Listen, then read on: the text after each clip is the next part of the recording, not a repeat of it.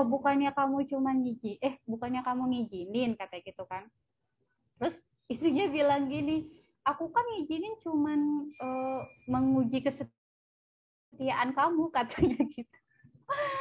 Gue udah menguji kesetiaan kamu wanita mana yang tega? katanya Aduh aku dramatis banget ya padahal isinya itu tulisannya nggak kayak gitu. Cuman aku ini gitu wanita mana yang tega? katanya gitu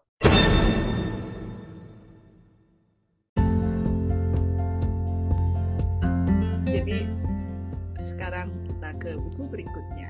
Apakah temanya akan sama seperti Ali? Kayaknya sama sama. Oke okay, seru banget ya kenapa tentang hati semua sih? tentang prioritas enggak ya. Tentang pandangan gitu. Kembara rindu. Oh, iya. kembara rindu. Kembara rindu punyanya penulisnya Habibur Rahman. Okay. kayak kayak cinta itu. Aku tuh kayaknya ini punya suami aku deh. Soalnya dia tuh suka banget sama si Habibur Rahman ini uh, ini kayak siapa ya? Jadi aku tuh lebih suka yang kayak detektif detektifan gitu tapi suami aku tuh sukanya yang romantis romantis kalau baca. Ini novel ya ceritanya ya? Uh, novel. Dan ternyata ini duologi gitu. Jadi dua iya. apa dua buku. Hmm. ini buku pertamanya. Jadi ceritanya itu ada anak anak kecil anak kecil kayak anak remaja gitu dia jualan jualan gorengan uh, di daerah Lampung di masjid gitu terus nemu handphone awalnya tuh nemu handphone terus ngembaliin si handphone itu namanya Shiva uh, ke orangnya terus uh, orangnya ini tadinya pengen pengen berterima kasih lah tapi Shivanya udah keburu pergi. Nah ternyata si Shiva ini uh, anak kecil yang dia ngurus. Nah ini sama nih kayak Ali nih dia ngurus sendiri. Bukan tapi ya. lebih lebih parah loh lebih parah dia. Kan kak Ali kan dibilang e, kamu jagain ayah kamu ya gitu kan. Si Ali kan dipesen ini gitu kalau ini dia ngurus kakek nih kakeknya neneknya yang sakit-sakitan gitu sendiri adik sama adiknya. Dan si Siva ini juga orangnya naif banget gitu maksudnya baik gitulah uh, diurus tuh kakek neneknya yang sakit-sakitan itu gitu. Dan sebenarnya dia tuh punya kakak sepupu kakak sepupunya namanya Rido. Namanya Rido. Oh iya bukan Rido. Rido uh, nah Bang Rido ini uh, dia lagi mukim. Lagi apa sih kayak bukan santri tapi bilangnya mukim gitu di pesantren di bawah gunung Cermai nah karena dia nggak punya nomor telepon nggak punya apa si Siva ini nekat ngirim surat ke pesantrennya itu gitu kan. Terus sinnya langsung ganti ke uh, Rido ini gitu. Si Rido ini dia emang jadi dulu dia dititipin kakeknya di situ. Setelah orang tuanya meninggal kan. Tapi bukan buat jadi santri buat ngabdi gitu loh kak. Apa ya? Jadi karena nggak punya uang juga kan dia jadi maksudnya buat bantu-bantu kiai di sana lah ibaratnya buat jadi abdi dalam kalau itu mah kali ya. Bersih bersih apa aja yang penting dia bisa tinggal di situ gitu kan. Nah cuman selama dia di situ dia tuh all out gitu. Pokoknya kalau kerja apa pun uh, dilakuin gitu kan. Ibaratnya disuruh disuruh jagain dua dia jagainnya tiga gitu sampai ada dia tuh dijagi, disuruh jagain kolam ikan kan kolam ikan ternak ikan gitu yang punya pesantrennya. Terus tiba-tiba ada pencuri ada kayak begal begal. Kayak pencuri mau mau nyuri itulah. Nah dia tuh karena ngerasa diamanahin pasang badan lah dia kan pasang badan sampai luka-luka ibaratnya gitu. Sampai sekarat nah cuman gara-gara itu akhirnya kayaknya ngerasa wah ini anak uh, apa sih ya all out banget gitu kan. Jadi bisa nih kayaknya dikasih amanah yang lain gitu. Akhirnya si uh, Rido ini jadi kan kalau harusnya dia cuma bersih bersih pesantren doang ini sampai bersih bersih rumah rumah si pemilik kiainya gitulah. Dan akhirnya dia jadi kayak tangan kanannya si kiai ini. Jadi kalau mau kalau kayaknya ini pergi ke mana dia diajak gitu. Nah terus si kiainya ini juga muliahin dia jadi si Rido ini sambil kuliah cuman belum selesai sampai baru sampai uh, apa nginiin ngerjain skripsi gitu. Nah sampai situ tuh si apa tiba-tiba si kayaknya bilang kamu harus pulang katanya gitu kan. Kenapa sih harus pulang? kata si Rido. E, udah pokoknya ikutin aja kamu harus pulang tiketnya udah saya beliin kata dia gitu. Pokoknya semuanya udah disiapin sama dia sampai dia udah kayaknya ini udah menghubungi dosennya untuk uh, memperbolehkan si Rido ini uh, jarak jauh gitu loh bimbingan skripsinya kan. Nah udah tuh akhirnya Rido pulang pulang ke Lampung terus ketemu sama si Siva. Kaget lah dia ternyata kondisi kondisinya kayak gitu gitu. Sih Siva satu-satunya anak kecil yang ngurus kakek dan neneknya kayak gitu gitu deh. Uh, terus akhirnya uh, si Rido ini mulai menyusun mulai menyusun rencana untuk menyelesaikan semua masalah hidup dia gitu.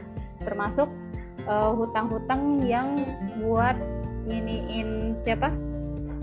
Buat ngobatin kakek neneknya yang sakit itu. Jadi selama ini si Siva itu karena nggak nggak punya duit banyak kan dia akhirnya sampai jual bukan apa ngegadein tanahnya gitu. Tanahnya si si apa ke kakek neneknya ini gitu intinya emang tentang si Rido ini berpikir gimana caranya dapat uang yang banyak lah ibaratnya Nah ini eh, masih berkaitan sama Ali akhirnya. Jadi dia berpikir passionnya, wah gimana nih kayaknya nggak mungkin ya aku kalau cuma jadi guru ngaji gitu kan. Karena dia butuh uang yang banyak gitu. Akhirnya dia jualan segala macam gitu kan. Dan terus dia ingat kalau si Shiva ini dulu. Jadi gini ini sebetulnya ya ada sisi lain ternyata dari cerita tentang uh, yang kedua lah ya. Jadi Siva ini anak istri kedua. Gara-gara Rido pulangnya akhirnya kebongkar tuh ceritanya. Karena si Rido ini buka buka-buka uh, koper punya ibunya Siva dan akhirnya nemu surat wasiat dari ayahnya nah ayahnya ini ternyata orang kaya banget gitu orang kaya banget. Terus dulu sempat tinggal di Hong Kong tapi uh, sakit-sakitan. Sakit-sakitan ibunya eh istri pertamanya tuh ada di uh, Indonesia gitulah. Nah terus uh, istri pertamanya itu juga dulu pernah bilang gitu ya udah kamu nikah aja lagi gitu kan. Kalau kamu nikah lagi nggak uh, apa-apa karena si istrinya juga udah stroke udah sakit-sakitan juga gitu udah udah nggak pernah nggak uh, pernah ngelayanin suaminya lagi lah gitu Nah, karena berbekal itulah si suaminya itu ketika dia sakit-sakitan, terus ada cewek yang ngerawatin dia, dia akhirnya berpikir mau nikahin si cewek itu gitu. Karena dia pikir kan si istrinya juga pernah bilang boleh uh, ngasih izin gitu kan. Awalnya si cewek yang kedua ini nggak mau ngasih izin, eh nggak mau ngasih izin, nggak mau dinikahin. Karena gimana nanti aku di kalau kan bahasa kita nanti aku dibilang pelakor aku dibilang gini gini gini gini gini gitu kan. Kata kata si cewek ini yang jadi ibunya Siva ini.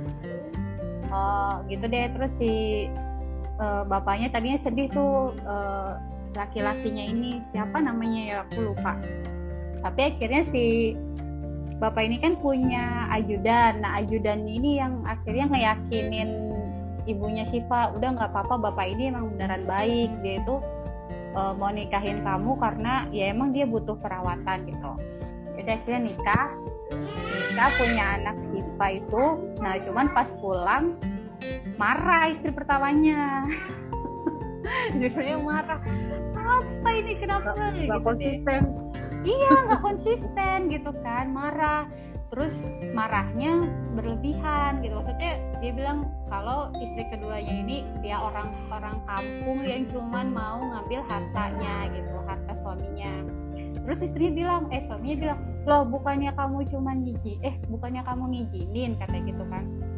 Terus istrinya bilang gini aku kan ngijinin cuman uh, menguji kesetiaan kamu katanya gitu gue udah uji kesetiaan kamu wanita mana yang tega katanya Udah aku udah manis banget ya padahal isinya maksudnya tulisannya nggak kayak gitu. Cuman aku membayanginnya gitu wanita mana yang tega katanya gitu. Tapi kan ya udah terlanjur ya gitu. Maksudnya udah udah nikah segala macam udah resmi cuman si ibunya Shiva ini sakit hati. Udah terlanjur sakit hati lah ya udahlah kamu balik aja ke anak ke istri pertama kamu gitu. Aku juga nggak apa-apa eh, tanpa kamu ibaratnya gitu. Pergilah dia berpisah tuh berpisah. Si ibunya ibunya Siva balik ke Lampung bapaknya entah di mana gitu mas lupa masih di Hongkong atau di mana. Intinya si ibunya Siva ini nggak mau ketemu lagi. Tapi bapaknya ini eh, malah ngejar-ngejar yang kedua ini minta maaf segala macam gitu kan. Sampai dia bikin surat wasiat kalau misalnya dia meninggal Siva dan adiknya itu tetap dapat bagian gitu. Nah si Rido ini berusaha lah ngejar ngejar eh, si istri pertamanya ini biar dapat ya masalah itulah masalah hartanya itu karena Siva itu kan berarti dia butuh butuh hidup kayak gitu. Itu ceritanya sampai situ. Berlanjut ke buku kedua buku keduanya belum ada. Gitu. Ya, Cuman jadi belum. Ridonya, Ridonya itu abangnya si Tifa. abang sepupu. ibu. abang sepupu. Oh, jadi bukan bukan bukan lain ibu. bukan. Bukan lain ibu. Yang lain ibu itu nah jadi yang lain ibu itu adalah wanita yang handphonenya diketemukan di awal Oh, kayak Gitu. film Korea ya, tahu-tahu ketemu aja semua tokoh-tokohnya. Iya, heeh. Ta- jadi di, di ujung di akhir cerita buku ini ketemu tuh si si apa namanya yang tadi handphonenya Siva. diketemukan dengan kakak tirinya. iya terus dia bilang ternyata kamu selama ini adalah adikku gitu-gitu tapi baru sampai situ baru maksudnya baru sampai situ karena dari kalau dari ka- apa ibu ibu tiri ya dari ibu tiri Sifanya tuh masih yang nggak nerima nggak nerima sifat termasuk ada kakaknya satu lagi. Gitu. Nah yang yang di yang aku suka sih ada ini. Jadi kan si Rido itu kan tadi yang nggak mau jadi guru ngaji nggak mau jadi guru ngaji karena ya gajinya kecil gitu kan Eh, nggak mungkin bisa membiayai kehidupan dia saat itu. Dia pengennya buka toko dan sebagainya dan sebagainya. Nah ternyata ada satu momen di mana jadi utusan kiai dari pesantren itu datang terus kayak kayak dikasih di- dikasih nasihat gitulah. Kata kiai kamu eh, ini ini ya kayak ini sih kerja aja jadi guru ngaji terus ngelanjutin lagi bikin kolam ikan deket situ gitu. Karena sebenarnya kemampuan kamu di situ intinya. Nah terus si Rido itu jadi kayak kayak apa tersentak gitu ya. Oh iya ya ternyata ya namanya rezeki itu nggak nggak kayak pikiran manusia gitu. Maksudnya kalkulatornya tuh nggak nggak kayak kalkulator manusia gitu. Kan mungkin kalkulator manusia mikirnya eh, buka toko lebih lebih bisa menghasilkan dibandingin jadi guru ngaji yang kayak gitu. Tapi sebenarnya kan nggak juga ya gitu harusnya ibunya Ali nih ketemu nih sama si Di Ali lagi.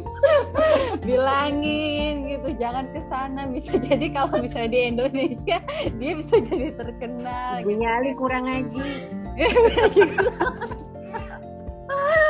nggak tahu juga ibu kayaknya belum ketemu sama si Rido gitu Nah, belum belum selesai sih ceritanya karena ini ternyata duologi jadi dua dua buku tahun berapa itu Erna?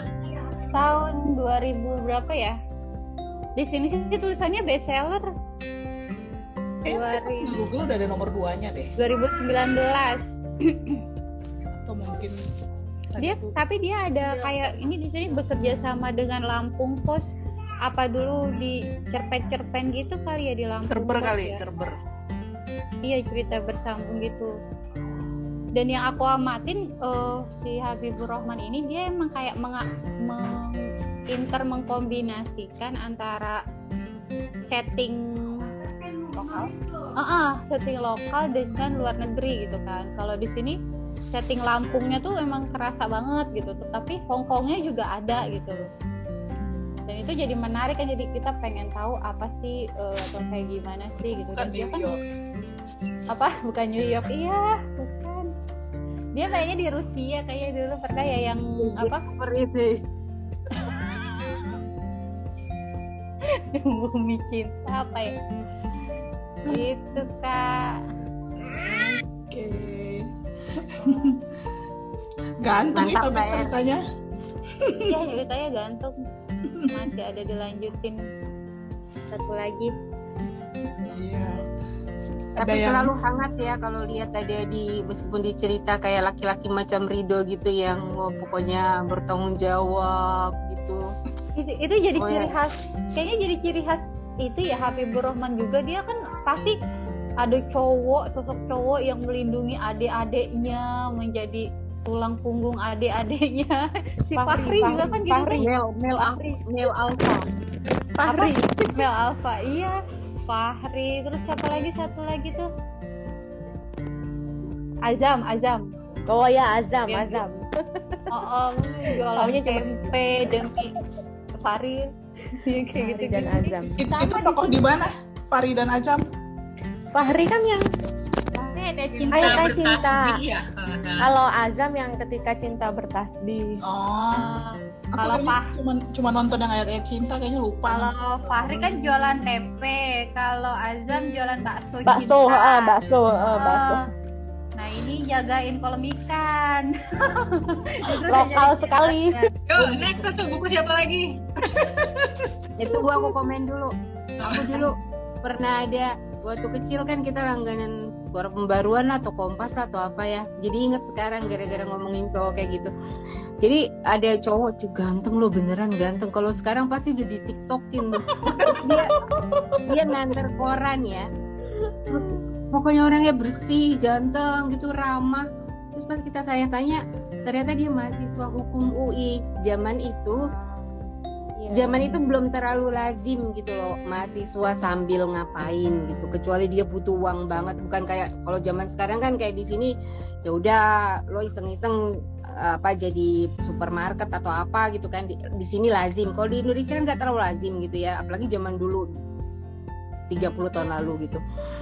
Ya itulah aku pikir ini cowoknya mirip yang diceritanya bukunya Mbak Erna gitu yang ya nasibnya eh, nggak terlalu bagus tapi bekerja keras. Juga waktu itu dia kita cerita dia cerita juga saya mau bantu adik-adik saya sekolah gitu. Aduh tapi aku nggak tahu namanya. Mungkin sekarang aku kebayang dia sekarang udah jadi orang gitu loh.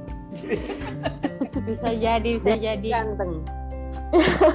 Dari di namanya TikTok Bukan kalau dia ada. ya. Dari TikTok. Mungkin pintar dulu teman-teman habis ini kita viralkan ya. Dulu Habibur Rahman kan suka diprotes orang kan. Katanya Hmm. tokoh-tokoh cowoknya terlalu sempurna apa gitu ya. Terus Habibur Rahman tuh bilang kalian aja nggak pernah tahu yang kayak gitu. Katanya Sebenarnya itu ada, Arab atau ya. di mana gitu. Itu banyak orang-orang kayak gitu dia bilang beneran. Ada kok ada. Aduh, ya, maksudnya nyarinya di mana lo? nggak tahu gitu kan. Makanya Suami kita mau ternyata nggak kayak gitu. tapi ada Kalau udah jadi suami udah syukurin aja lah. Apa ya? Ya, Tapi kan bersyukur. jadi suami dia Yang penting gitu. bersyukur, bener-bener. suami jadi jadi lain Bayang kalau kayak ceritanya Habibur Rahman kitanya nggak kuat kali. Iya. Kan ngurusin adik-adik gitu-gitu. Aku tuh gara-gara gara-gara nonton Fahri tuh sampai bener-bener pengen dapet suami kayak Fahri gitu. Udah, Tapi dapat nggak mbak dapat nggak mbak Dapat lah, suami sekarang udah kayak Fahri. Nanti di madu. alhamdulillah. iya eh mau suami kayak Fahri udah udah pantas apa belum gitu dulu kan.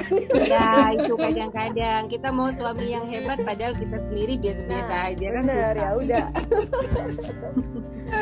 Tapi bener kalau baca Habibur Rahman tuh jadi gitu ya kapan ya dapat laki-laki kayak gini dulu deh waktu kuliah gitu ya ada gak ya gitu Ya kan lebih ternyata. parah dari drakor ya pakai lebih parah dari Belum. drakor ya dulu belum nonton drakor aku kak Lebih duluan ya mudah digapai. Kalau drakor udah nggak mungkin kan. Iya, iya, iya, iya.